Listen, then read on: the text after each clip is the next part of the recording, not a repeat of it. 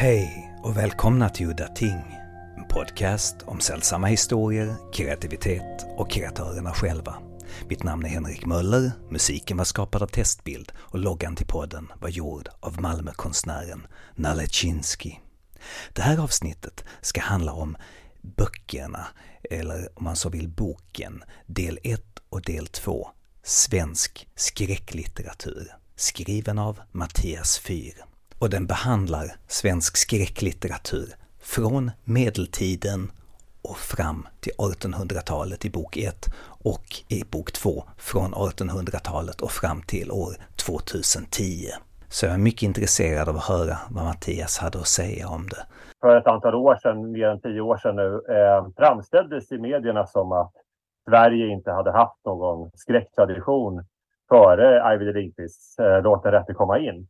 Och eh, då var det ju flera i mina kretsar och så som också diskuterade detta eller tyckte att eh, vad fasen ungefär. Det har ju skrivits en hel del om tidigare svenska skräckförfattare, till exempel i tidskriften Minotauren där jag har varit verksam också. Så att eh, det blev helt enkelt en sån diskussion. Vi visste att det fanns föregångare.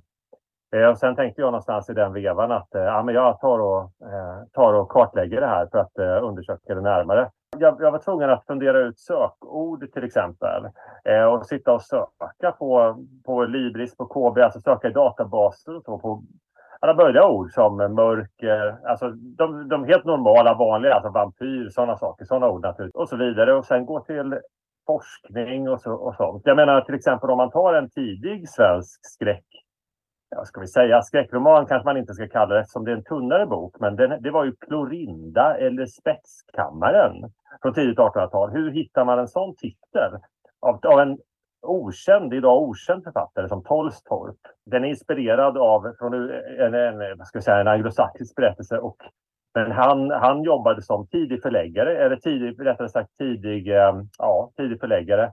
Han åkte mest runt i olika svenska orter och så skrev han liksom böcker om de orterna och så. Men så gav han också ut det här. Så att han var en tidig eh, författare som kunde leva eh, på Eh, författare och förläggare som kunde leva på det. Eh, men vad kan man berätta om den då? Alltså, eh, ja, det, det, är en sån här vanlig historia kanske från tiden. Eh, eh, svartsjuk historia. Så alltså, det är en skräckromantisk gotisk historia här slags tortyrkammare som någon har i ett slott och så vidare. Och så svartsjukedrama på det. Forskare på senare tiden hade ju inte skrivit om det här, litteraturforskare. De, de, där fanns det ju ingenting att, att hitta. Eh, och tyvärr var det ju så. Det gjorde mig också lite sådär eh, frustrerad därför att eh, först sa man att Arvid Lindqvist var den första svenska skräckförfattaren och sen så sen, sen fick han eh, Selma Lagerlöf, ett pris av Selma Lagerlöf, eh, Selma Lagerlöf-pris och då upptäckte man att ja, just det, hon fanns ju också. Alltså, ja, så nämnde man Selma Lagerlöf också, men det var, sen var det inga fler. Skräck har ju funnits bakåt i äldsta tid, men, men, men om vi säger slutet av 1600-talet, då hade vi en fransk klassicistisk period i Europa och då skulle ju konsten och litteraturen så vara ganska förnuftig. Så att eh, om man skildrade monster och så, om det fanns med i ett, i ett drama till exempel, då fick inte det vara med på scenen. Eh, och det skulle vara någon slags förnuft över allting. Men så svängde pendeln och det blev på något sätt in, lite mer inne med spöken och så vidare under 1700-talet. Och det var ju då vi fick den gotiska romanen The Castle of Otranto i England av Horace Walpole. Men eh, hur såg det då ut i Sverige? Jo, en av de tidiga personerna där var faktiskt vår kung Gustav III. Och eh, han eh, tog ett franskt drama eh, och sen så, så gjorde han om det. Det är egentligen samma story, men han la, la in en helt annan ton.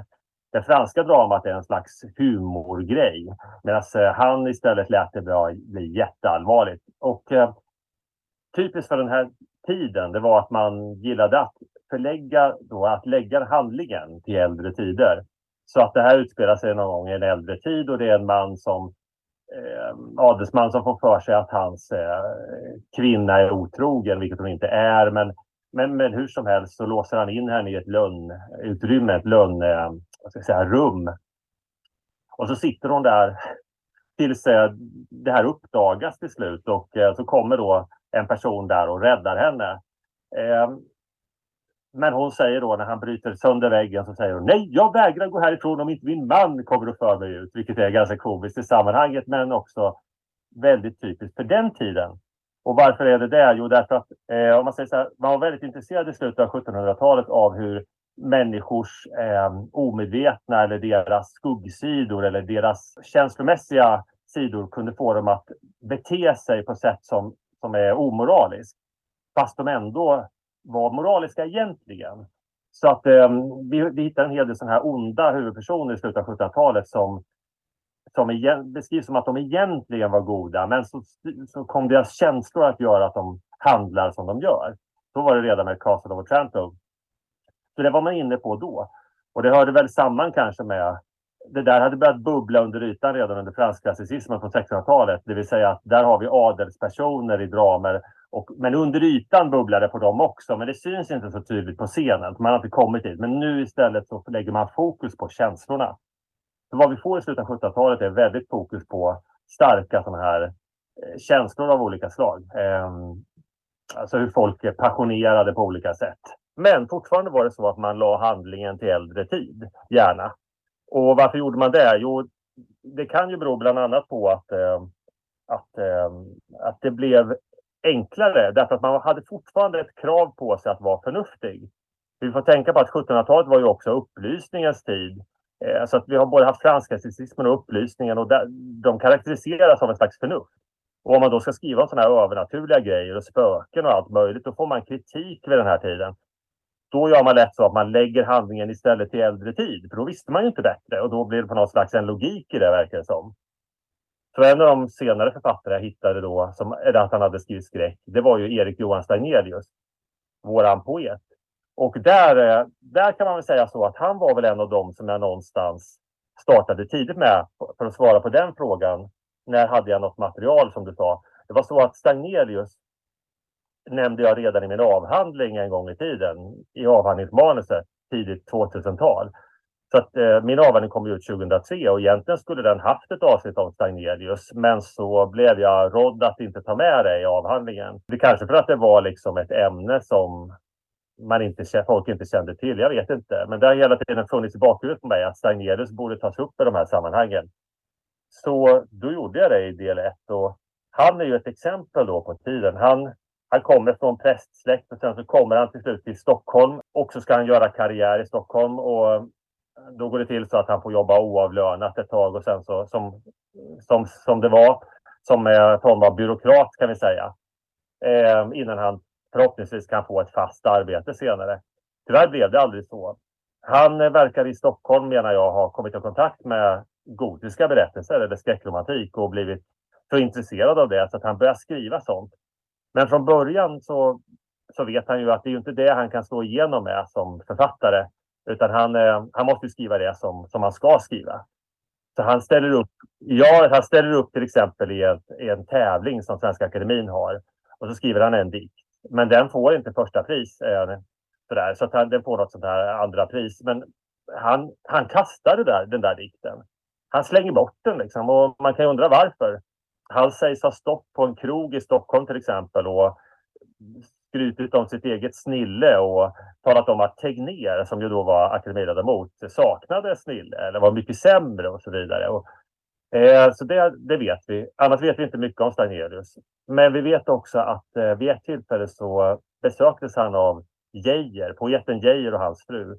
Och hans, Geijers fru skriver då i ett brev att Stagnelius var en, hade så vidrig framtoning hon skriver att jag önskar nästan att jag inte, icke hade sett honom. Du kan inte tro hur vilken hans figur var och så vidare. Så vi vet inte mycket om Stanelius, men han kan ha haft eh, missbruksproblem eh, vid den tiden och sådär.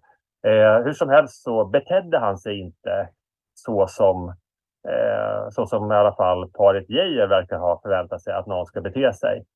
Eh, och vad jag tror, vad jag framför, vad jag liksom lägger fram i del 1 är att jag i och med att Stagnelius tycks ha börjat skriva mer och mer skräck och försöka få det utgivet så kan det ha varit så att han insåg att hans karriär inom de fyrkulturella kretsarna inte längre var gångbar, kanske.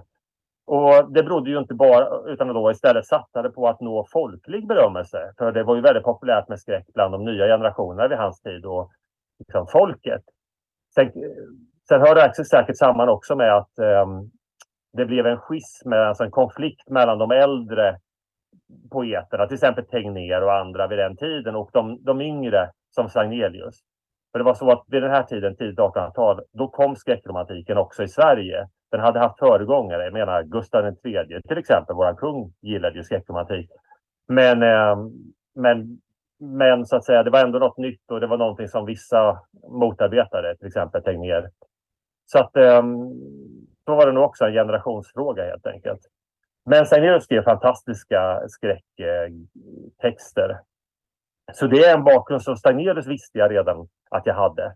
Men sen när man ska fortsätta att teckna det. Alltså, sen finns det tusen saker till som var intressanta.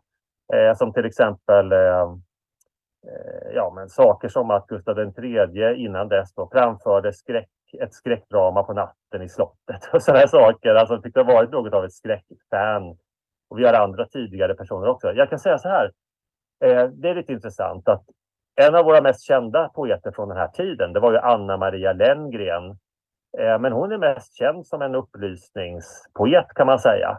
Hon är lite som Voltaire. Hon, hon skämtar med eh, folks, eh, till exempel, eh, vad ska vi säga, överklassen eller hon skämtar med, eh, hon är lite ironisk och sådär.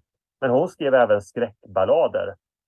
Och det för mig tyder det på att hon är en poet som kan liksom se det nya som kommer. Så hon har alltså börjat skriva skräckballader redan före Stagnerius och andra. Och, och, det är intressant i sig, men det har på något sätt tystats ner. Så ju mer jag håller på och nysta i det här, ju mer upptäcker jag fler intressanta författare, men också att eh, det tycks som att man har haft problem med de här Ja, att på något sätt så har man tystat ner skräckförfattare en hel del och det beror på olika faktorer. Så om vi, om vi stannar i tidigt 1800-tal så kan vi, en sån faktor, det var till exempel det här att om vi går till tidigt 1800-tal då när Stagnelius verkade och sådär. Eh, vid den här tiden så blev det ju populärt också med sagor för barn och sådär och gav bröderna Grimm ut sina sagor till exempel. Men de blev ju censurerade om de var för, för skräckinjagande.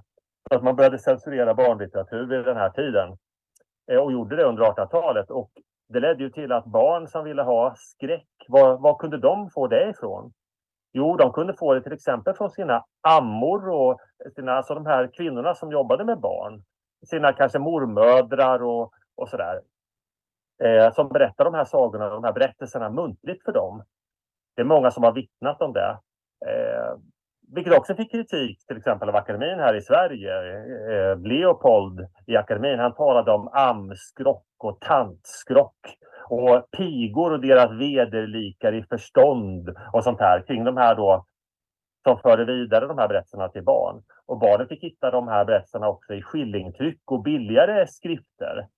Eh, så att så såg det ut under 1800-talet. Alltså vi vidrörde ju det här lite grann innan med hon som blev inlåst i väggen och hon eh, vägrade komma ut förrän hennes man skulle komma och hämta henne. Men fanns det inte, eller det måste ju ha funnits väldigt många konstiga saker som är ännu konstigare för en ung publik idag, att, eh, som är obegripliga helt enkelt. Kan du prata lite om eh, några av de här absurda grejerna som har liksom med gamla värderingar och kulturella företeelser att göra? Grejen är, om man säger så här, det finns olika sidor av det hela. Ehm, jag kan ta en obegriplig sak som jag skriver om i del två. Och det är att ehm, eh, Viktor Rydberg, hans Singoalla som först kom eh, 1857, den, eh, den är från början oerhört eh, skräckromantisk. Eh, men av någon anledning så får han kalla fötter. Så han, han arbetar om den flera gånger och den blir liksom bara mindre och mindre skräckromantisk. Eh, väldigt konstigt. Eh, därför att den första är så pass bra. Eh, Sen blir den istället någonting helt skumt av det hela. Om vi säger så här att i Singoalla, den handlar ju då om en sån här eh, Erland, en sån här, man ska säga, adelsperson som träffar då den här Singoalla som är, ett, alltså re, hon kommer resande med sitt folk. Eh, så hon, hon beskrivs som, liksom, det var ju populärt vid den här tiden med Eh, romer eller som, som det skrivs då, zigenare liksom, som man skrev i, i de här berättelserna. De, hade, de hade någon slags mytiskt skimmer ofta i skräckromantik. Det har man sett tidigare och det har de också här. De kommer resande och sägs på något sätt eh, höra samman med den bibliska historien och så vidare. Men hur som helst så får de ett kärleksförhållande. Men det är ju problematiskt och eh, det slutar ju med att eh, att han eh, gifter sig med en annan. Han blir sjuk, han blir förgiftad och sjuk och så gifter han sig med en annan person. Men han har ändå det har blivit så att han har fått ett barn med sin Gualla och det här barnet, det är egentligen jättekusligt. Det kallas sorgbarn. Och eh, hon kommer med det till honom senare i den här ytterst kusliga berättelsen. Han blir så upprörd av sina känslor och sånt där så att han dödar det här barnet eh, då. Eh, och så sitter han i en kuslig stil och tvättar liket av barnet. Han har blivit vansinnig mot slutet av berättelsen. Och det här var ju någonting som... Ty alltså, det här stämde inte med finkulturen vid den här tiden. Det stämde inte med hur man skulle skriva som, låt oss säga, göticistisk författare, för det var det man skulle vara. Det har också en konstig historia, göticismen, men jag kan återkomma till det. Men man skulle vara förnuftig fortfarande.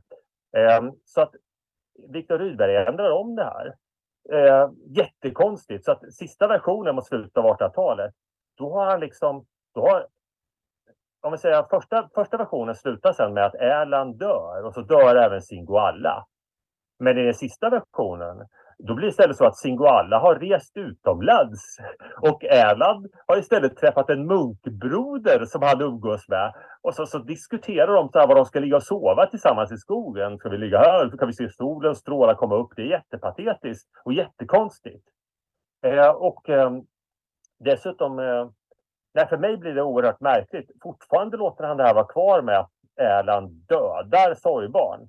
Men, men om man säger så här, då är det väl naturligt. Alltså han dödar ett småbarn för att han, för det är ju ett litet barn, sorgbarn. Då tycker jag att det är naturligt att han blir vansinnig. För det är ett vansinnigt dåd så att säga. Allting är ju vansinnigt i den första versionen. Och det är vansinnigt att göra en sån sak då. Men i de senare versionerna, då blir det som något han bara gör. Ja, så kan det gå. Man får inte knota. Man måste, alltså det är helt sjukt. Man, man får gå vidare med livet ungefär så. Då ska han vara förnuftig. Men det finns inget förnuftigt liksom att ha ihjäl ett barn som sorgbarn. Så det blir ologiskt. Eh, så att, för vad jag menar är att den första versionen, den är total skräckromantik medan de andra vet jag inte vad det är. De andra är alltså kass, totalt dåliga ur alla synvinklar, litterära synvinklar och så vidare. Och varför var det så då för Viktor Rydberg? Jo, ett möjligt skäl det är att han kom ju från enkel bakgrund. Det kan ha varit klassgrejer som spelade in. För det har Forskare har påpekat att om vi går tillbaka och tittar på de gotiska författarna från slutet av 1700-talet så var det så att de som kom från mer överklass eller adelsbakgrund de tycks, tycks ha vågat ta ut svängarna mer. Om vi tar Matthew Gregory Lewis som skrev The Monk till exempel. Den är ju helt grotesk. Den är ju full av eh, alltså, groteska saker. Liksom. Huvudpersonen våldtar och dödar sin syster. Och, alltså, det är helt vansinnigt så. Medan däremot Anne Radcliffe, som ju kom då från mer, eh, från, inte från överklassbakgrund i alla fall, hon, hon håller sig mer städad kan vi säga i sina berättelser. Hon är mer balanserad eller vad vi ska säga. Och det kan ha att göra med alltså, vad man vågar, hur mycket man vågar göra. Så Viktor Rydberg, han var uppenbart var det så att han hade problem med skräcken. Så han börjar putsa bort den ur sin guala och det kan bero på hans bakgrund. Att han liksom kände att nej jäklar nu, nu tog jag i för mycket här. Sen ser man det också till exempel på att han översätter Viktor Rydberg, det vill säga Edgar Allan Poes um, The Raven, den dikten. Men den håller han också på och översätter hela livet och liksom håller på att putsa på. Det är som att han liksom inte kan. Han vet att, att Edgar Allan Poe anses stor mot slutet av 1800-talet, men han kan liksom inte Eh, låta honom skriva skräck. Så där, det var väldigt konstigt att se hur Viktor Rydberg på handskades med, med skräcken. För att ta ett sådant exempel. Men en annan sak som var konstig, den har jag också med i del två. Och det var hur, hur eh, Alfred Nobel, eh, som, skap, eh, alltså som ändå skapade Nobelpriset som en mest känd för dynamit förstås. Han skrev ju också ett eget skräckdrama.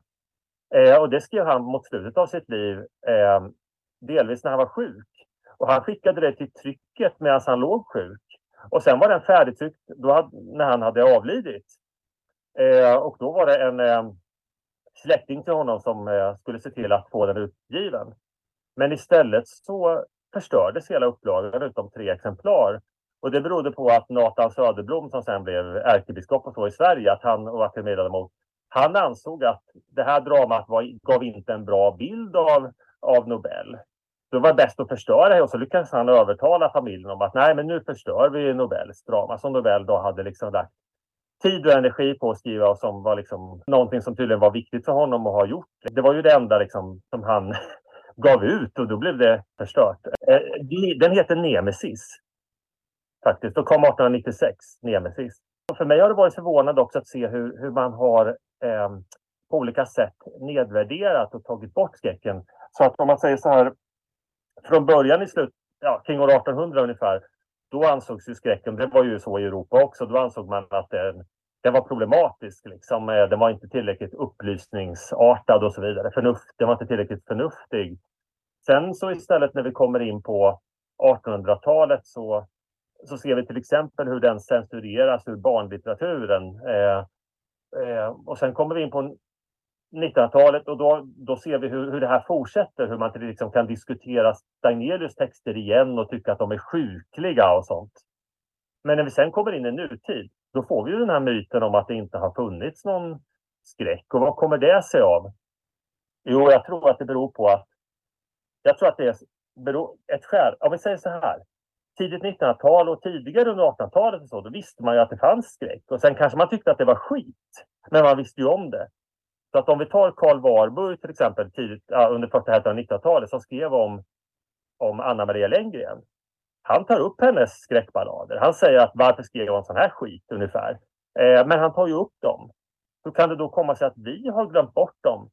Jo, det beror nog på, tror jag, att, eh, att vi har lagt fokus på litterära teorier istället. Och det började vi göra kanske 68 och framåt under 70-talet och sådär. Eh, och då slutade man att läsa vissa texter.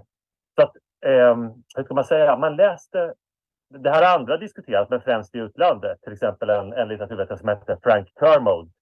Men man har sagt att tidigare läste man Shakespeare, för han ansågs stor. Det gör man fortfarande. Men man läste också andra texter runt Shakespeare.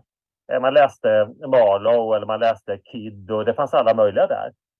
Eh, men nu läser man bara Shakespeare. Fast man läser honom ur alla möjliga synvinklar. Och det kan vara postkoloniala och det kan vara alla möjliga vinklar helt enkelt. Eh, problemet blir ju då att man känner till alla de här vinklarna och de kan ju vara bra förstås. Men man känner inte till verken runt omkring. Så jag, det är också en förvånande sak för mig som litteraturvetare att att om man säger så här att alla de här teorierna som vi alla känner till, att vi ska få med kvinnor till exempel i litteraturhistorien, vi ska få med folk från andra kulturer, vi ska få ett globalt perspektiv och så vidare. Det kom ju då 68 och framåt. Men fortfarande nu i litteraturvetenskapen så ser kanon ut likadan som, som den gjorde när de här teorierna kom. Var är alla kvinnorna? Var är alla liksom, de andra författarna? Var är det här globala perspektivet någonstans? Det är ju fortfarande Strindberg och, och så vidare. Det är bara det att nu har man istället glömt bort de här mindre författarna runt omkring. Så, så, så upplevde jag det. Att det, det kan vara ett skäl till att man helt enkelt har glömt bort de här skräckförfattarna. För de har inte varit med i kanon tidigare egentligen, utan de har befunnit sig utanför. Man har känt till att Stagnelius eller Almqvist eller andra skrev skräck, men man har tyckt att ja, fast det där var ju sämre än det andra de skrev. Och så behöll man det andra de skrev i kanon, men nu känner man inte till att de ens har skrivit skräck jag är ganska fascinerad av när kom den här skiftningen liksom i början att det skulle vara så här förnuftigt som du säger, men när började skräcken bli bizarr liksom? Att det, det började, de började bryta de här vanliga konventionerna, monster började komma in och så här. Monster har ju funnits hela tiden. Vi kan säga så här, varulvar till exempel, de finns tillbaka till, till äldsta tid. Så att de kan eh, beskrivas i Rom till exempel. Att varulvar är ett klassiskt monster som har funnits bakåt. Och det, det har sett ut på olika sätt. Man har även kopplat bärsärkarna som, till varulvarna och sett dem som på något sätt kanske besläktade eller samma sak eh, rent av. För att om man, om man tänker sig Frankensteins monster till exempel. Han är ju rätt bisarr egentligen. Alltså sammansatt av likdelar och så vidare. En romantisk figur med så här långt börjande svart hår och och så vidare. Väldigt stark och så vidare och tål kyla och är ute i naturen. Det är väldigt så här egentligen grotesk varelse. Då är vi ändå, då talar vi tidigt 1800-tal. Och tidigt 1800-tal fanns ju också till exempel i England den här sägnerna kring Spring-Heeled Jack. Som är någon slags fysisk varelse som hoppar och försvinner och kommer fram i London liksom. Um, så sådana personer fanns ju. Men det här riktigt groteska som du talar om, det måste nog vara jag tror att det måste vara sekelskiftet eh, 1900. Det blir någon slags fokus på att, att skapa monster eh, av olika slag eh, på 1900-talet. Lovecraft gjorde ju det, men, men liksom det gjorde ju andra också.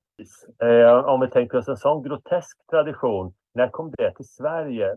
Alltså man säger så här, ett problem det är ju att skräckgenren, eller skräcktraditionen eller skräckhistorien har ju hela tiden också byggt på, låt säga, sägner och sådana saker. Jag menar om vi tar, om vi är vid sekelskiftet och så tar vi Dracula till exempel av Bram Stoker eh, från 1897, då är ju den eh, då är ju han som ett, egentligen i romanen så är han ju som ett väsen.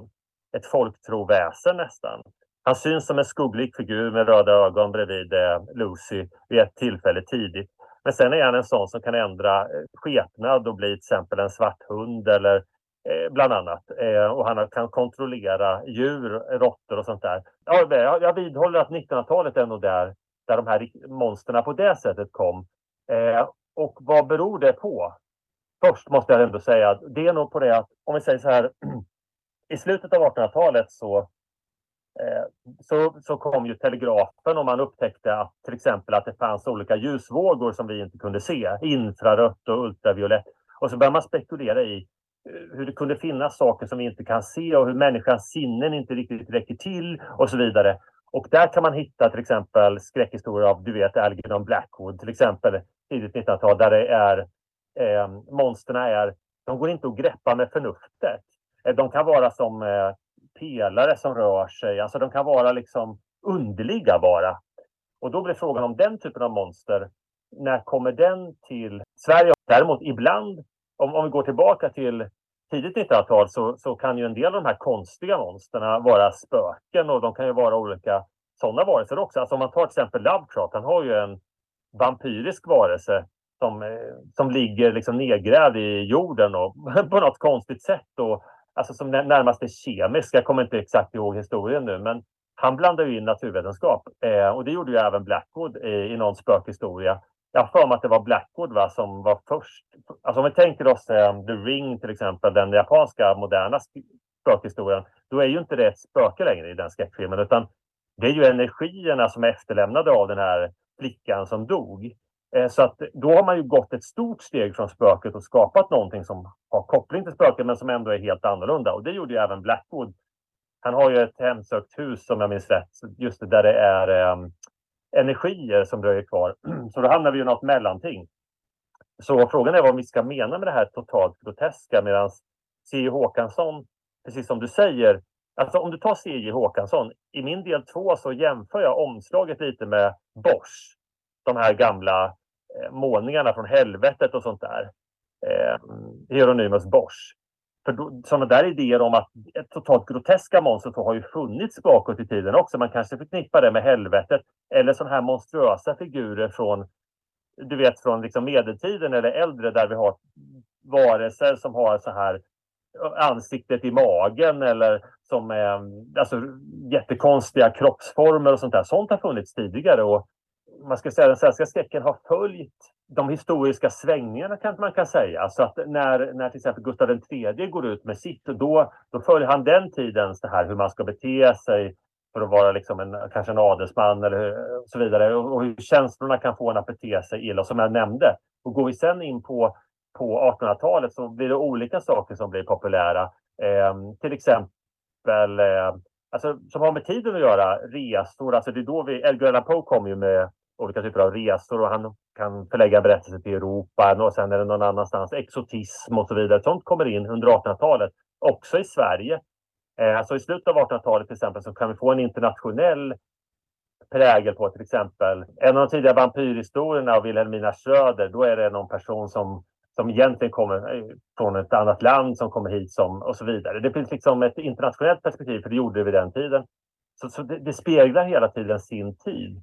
Sen under 1900-talet så kommer ju eh, Alltså sen speglade medierna också så att tidningarna, tidningsartiklar och sånt var populära under slutet av 1800-talet eller under hela 1800-talet och kanske särskilt slutet och sen under början av 1900-talet då läste alla tidningar. Så då hittar vi skräcken i dem.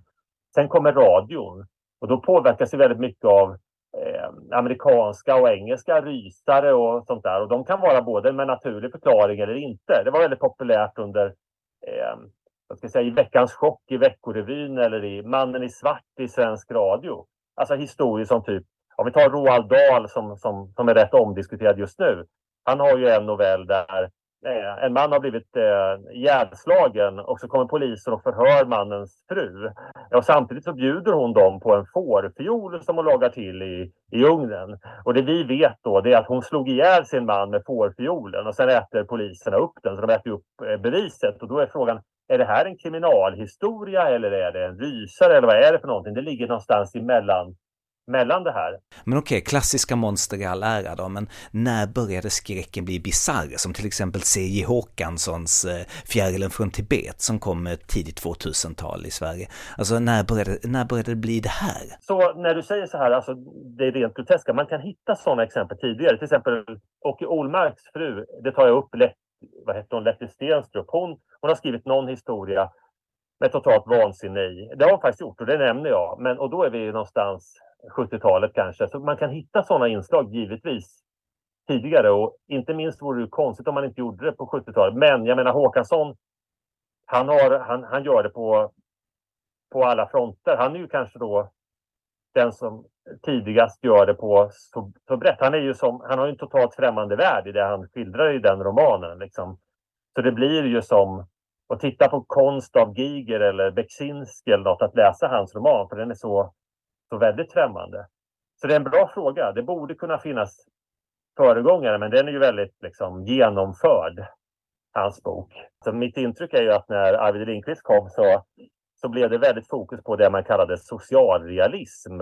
Och han skriver så socialrealistiskt. Man kunde använda också folkhemmet och sådär, men att det blev ändå en, ett sånt fokus och, eh, eh, på det sociala. Och det förvånade mig en aning också. Ja, dels för att begreppet socialrealism kommer från Stalin och så vidare, har problematisk bakgrund. Men jag förstår hur man använder det så, alltså som en slags, vad ska vi säga, realistiska misärskildringar. Men också för att det där med att skildra liksom det realistiska har funnits tillbaka till äldsta tid. Så till exempel, ett exempel som jag nämner det är Gilgamesh-eposet eh, som ju är liksom det äldsta litterära stora verk vi har kvar, flera tusen år gammalt. Där vi får veta att de döda som ingen ber för, de tvingas leva som hemlösa på stadens gator och äta matrester som folk kastar ut på gatan. Så på något sätt kan vi hitta ett socialt sida hos skräck sedan äldsta tid som ändå på något sätt talar till folk. Du kan tänka på till exempel skildringarna av mylingar från medeltiden och liksom även senare, att där det är kvinnor som har fött utomäktenskapliga barn och, kan, och då dödat barnet och barnet kommer tillbaka och, och spökar för dem att det ändå på något sätt är en bild av verkliga liksom, problem i samhället och sånt och som tilltalar, intresserar folk. Och så har det alltid varit. Alltså antiken samma sak att en del, hel del spöken som visar sig, det är ju människor som inte har fått en ordentlig begravning och det var väldigt viktigt på den tiden att man fick det. Så, så det är allvarligt liksom ur en verklig synvinkel när det visar sig ett spöke, för då är det någon som inte har blivit begravd, kan det vara då i alla fall. Så den sidan har ju funnits. Så men då tyckte jag på något sätt att eh, alltså om man tar Sverige och mottagandet, att det blev lite väl mycket fokus på, låt säga, det socialrealistiska då.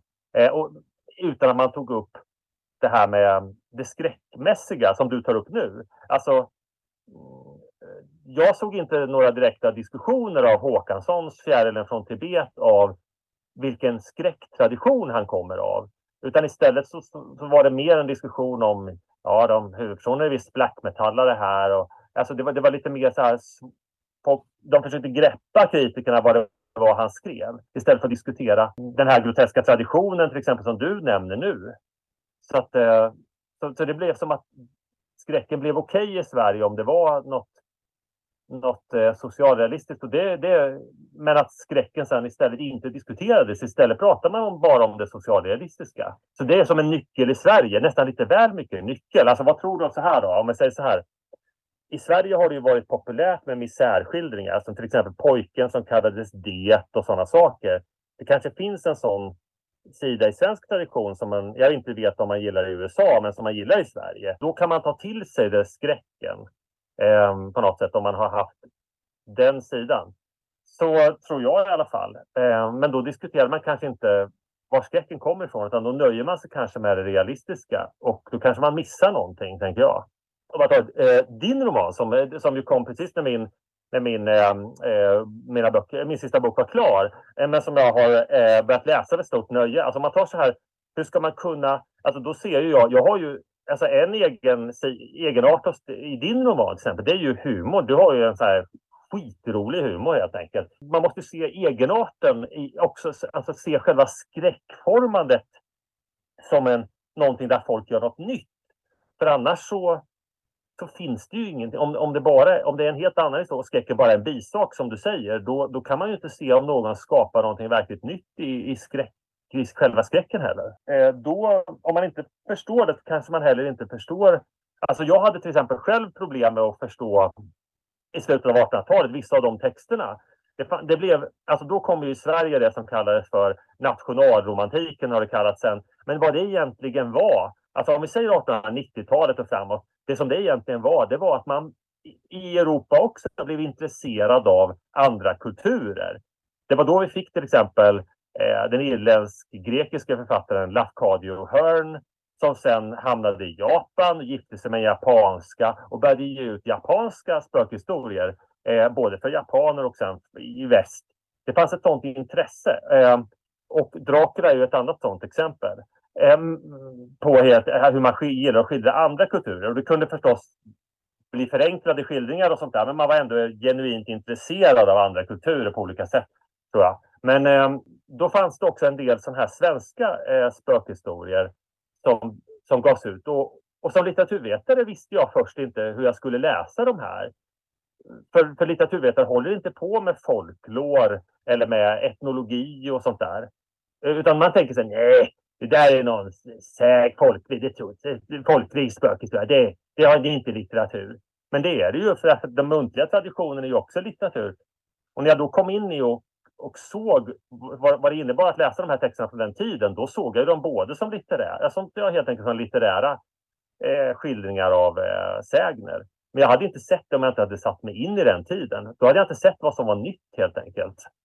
Jag kom på sen att ett av de verk som jag lyfte fram som ett mästerverk eh, från slutet av 1900-talet, det är ju Spöktimmen av Barbro Werkmäster från 1971.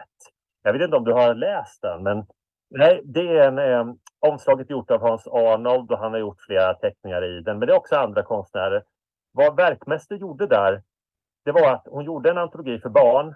Eh, men den är helt genialisk därför att hon tar upp även litteratur för vuxna i den. Men hon har också ett historiskt perspektiv. Så att hon har med till exempel en av, de mest, eller den mest klassiska skräckparaden som kom i, på tidigt 1800-tal. Alonso den tappre och skön i Mogine hon har ett historiskt perspektiv på det sättet. Hon har med olika typer av folktro. Alltså tänk dig det att i en barnbok ha med verklig magi med tecken och allting. Och så står det så här, om du vill drömma om framtiden, så ta tuppblod och skriv de här tecknen på ett papper och lägg under kudden. Jag menar, till, ett, till barn, till en barnpublik. Eh, och jag älskar den där boken också som liten, så jag är säkert påverkad av det. Men eh, sen gavs den ut igen tidigt ja, 1980-tal. Då tog man bort de här folktrogrejerna och den här skrocken och övertron och istället la man in en massa andra saker som det finns en massa gammal folktro. Om du till exempel råkar tappa smörgåsen upp och ner på morgonen, då kan du få olycka hela dagen. Så lägger man in sådana saker istället. Så den blir liksom censurerad och man kan undra vad det beror på. Kan det bero på att man var rädd för backmasking eller så här satanism i konst och sånt där? Eh, musik särskilt. Eller, eller beror det, är det politiska skäl eller vad är det? Men, men den censurerades. Eh, så det hände. Eh, på något sätt så, men samtidigt så kan man titta runt om på det 80-talet och se allt möjligt förekomma. Du hittar, alltså så här, trots att det har liksom tryckts ner och glömt bort skräcken så finns den där. Åke Olmarks ges ut, läses fortfarande och allting sånt. Så vi har fått ett smörgåsbord av skräck vill jag väl komma fram till. Att, eh, trots att man har framställt det som att vi inte har skräck i Sverige, så har vi ju det. Jag förstår vad jag menar. Det är inte så att de som håller på med skräck har slutat. Liksom, utan de, de finns ju där. Vi har ju det inom alla. Man hittar det inom alltså, Lukas Moodysson, liksom regissören. Han skrev ju liksom skräckinspirerade dikter på 80-talet till exempel. För att ta ett exempel. Och vi har mängder med människor som har hållit på med skräck då fortfarande 1980, 90-talet och in på 2000-talet.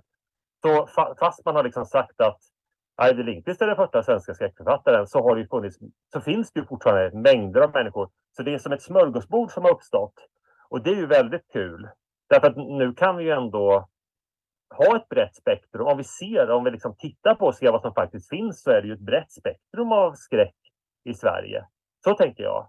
Så att om du tar Ingmar Bergman till exempel så har jag med en kort historia, hans Söndagsbarn, eh, som ska vara självbiografisk. Och den korta historien som han har med där, att det är total skräck alltså, en spökande klocka. Det är bland det mest skrämmande man kan läsa. Jätteduktigt. Och du vet ju själv till exempel spökscenen i Fanny och Alexander. Den är ju också helt enastående. Liksom. Ja, det är precis. Han har det, han har det i många verk, så är det ju. Och jag, ska, jag nämner också för övrigt i del två att i Fanny och Alexander så eh, Alexander sitter ju med en sån här Laterna Magica och visar bilder vid ett tillfälle. Och de bilderna han visar det är en medeltida historia om en mamma som eh, vill jag minnas, en mamma som eh, kommer och hjälper sina barn. Hon har dött och kommer tillbaka från de döda. Så det här, det här lever liksom hela tiden. Om, om man bara kan se det och om även kritiker och litteraturvetare kan ta och låta de här uppsatserna som de eh, handleder eller vad det är, eller de saker de skriver om handla om det här som faktiskt finns runt omkring men som inte beskrivs nu. Så tror jag att det skulle bli bättre. Den kritiken har ju riktats nyligen också till exempel av, av en litteraturvetare faktiskt. Eh, eh, Klingberg, han skrev ju om hur, hur, Sverige är dåliga på att hantera våra fantasyförfattare just nu. Vi har ju liksom skickliga fantasyförfattare som eh, Karin Tidbeck som eh, som, som inte blir uppmärksammade i Sverige men utomlands till exempel. Så det, det blir ju en problematik i vad vi låter komma fram i Sverige fortfarande. Vi har ju inte en mångfald inom liksom, konsten i Sverige tyvärr, kan man säga då. Utan det är vissa namn som hela tiden liksom nämns och det är synd. Sen kom vi in på det här problematiska med att folk eh, har sånt enormt behov av att skräcken måste vara realistisk hela tiden, vilket är absurt i sig, men liksom att det får inte bli för liksom konstigt, det får inte bli för mycket monster och sånt där. Det finns alltid en gräns hela tiden. Samtidigt så kan samma människor gå på bio och se Star Wars eller Avatar eller någonting sånt. Och de var ju, eller Star Wars var ju en hit redan på 70-talet när de första kom, så det är liksom ingenting som har normaliserats nu, utan det var ju en hit direkt när den kom. Så det är ju ganska ganska bisarrt och det betyder ju att det finns en viss eh, förutbestämd uppfattning om vad skräck är och hur den ska vara. Alltså själva den här presentationen är ju en trygghet i sig. Så folk kan ju sitta där och tänka så här, ja, oj vilken vidrig huvudperson, men det är ju i alla fall Tom Cruise, så då måste det ju vara okej. Okay. Alltså själva skådespelarna får ju med sig någon slags, oj oj oj, det är ju Skarsgård som spelar vampyr här, då måste det vara då måste det vara okej. Okay. Men hade den här, hade True Blood kommit liksom som Super 8-film inspelad av några tonåringar i, i Berlin så, så liksom, då hade folk tyckt nej, vad är det här för vidrigt? Så de får ju det ta, omtalat för sig att det här är, liksom, det här är fint. Eh, om vi tar eh, låter rätt komma in. Det, det, finns ett värde i när skräck går för långt. Så liksom så att eh, eh det har ju sagts om Lovecraft till exempel att eh, då ska han producera skrikande bläckfiskmonster på slutet. Liksom. Och någonstans så låter han ju skräckberättelsen gå för långt för att det ska liksom bli någonting extra. Och det tyckte jag att det låter rätt att komma in när Håkan blir någon slags zombie monster som hasar runt där med stånd. Då har han ju liksom gått för långt. Så det finns ju inte med i filmen. Men det är ju skräck när man går för långt. Så problemet då med skräck är att det måste ju vara att eh, den vill utmana. Skräck vill utmana någonstans och gå för långt det hör liksom till genren, men, men går det för långt så blir det för hotfullt för folk också. Så det, det är liksom en balansgång i det hela. Samtidigt som man ju kan undra vilken, vilken funktion skräck fyller också. Att skräck är ju en plats för att diskutera sånt som, som finns i verkligheten men som blir för obehagligt att diskutera eh, i verkliga exempel. Så, som, så jag brukar ta till exempel djurförsök på människor, om vi kallar det för det, när man gör vetenskapliga försök på människor mot dess vilja. Det har ju, vet ju alla har hänt. Men du får ju inte se någon sån här blockbuster-movie från Hollywood som handlar om det. Utan då får du ju gå till så här eh, Human Centipede till exempel. Eller du får gå till, eller, eller låt säga Frankenstein. Eller, du får gå till skräck helt enkelt. Och då är ju allting så uppblåst och överdrivet så att folk kan samtidigt sitta och tänka att ja, ja, men det är ju en totalt överdriven situation. Men det handlar ändå om verkligheten, om sådana saker som vi eh, annars inte tar upp. Och ta ett annat exempel. Så fort människor blir råkar ut för något i verkligheten som är väldigt obehagligt eller skrämmande eller så för dem, då säger människor det var som i en skräckfilm. De säger aldrig liksom det var som i en litteraturvetenskaplig analys av Derrida eller något sånt där. Utan de, de, ja, men de, utan det finns in, referensramen är till skräckfilm när folk råkar ut för det värsta. Liksom, och det är ju ett oerhört stort gott betyg egentligen åt, åt skräckfilm åt skräck. Att folk har det som jämförelse när de råkar ut för de värsta situationerna. Då har, det ger dem ord så att säga. Ja, och med de orden så var det slut för den här gången. Mitt namn var Henrik Möller. Musiken var skapad av Testbild. Hej då!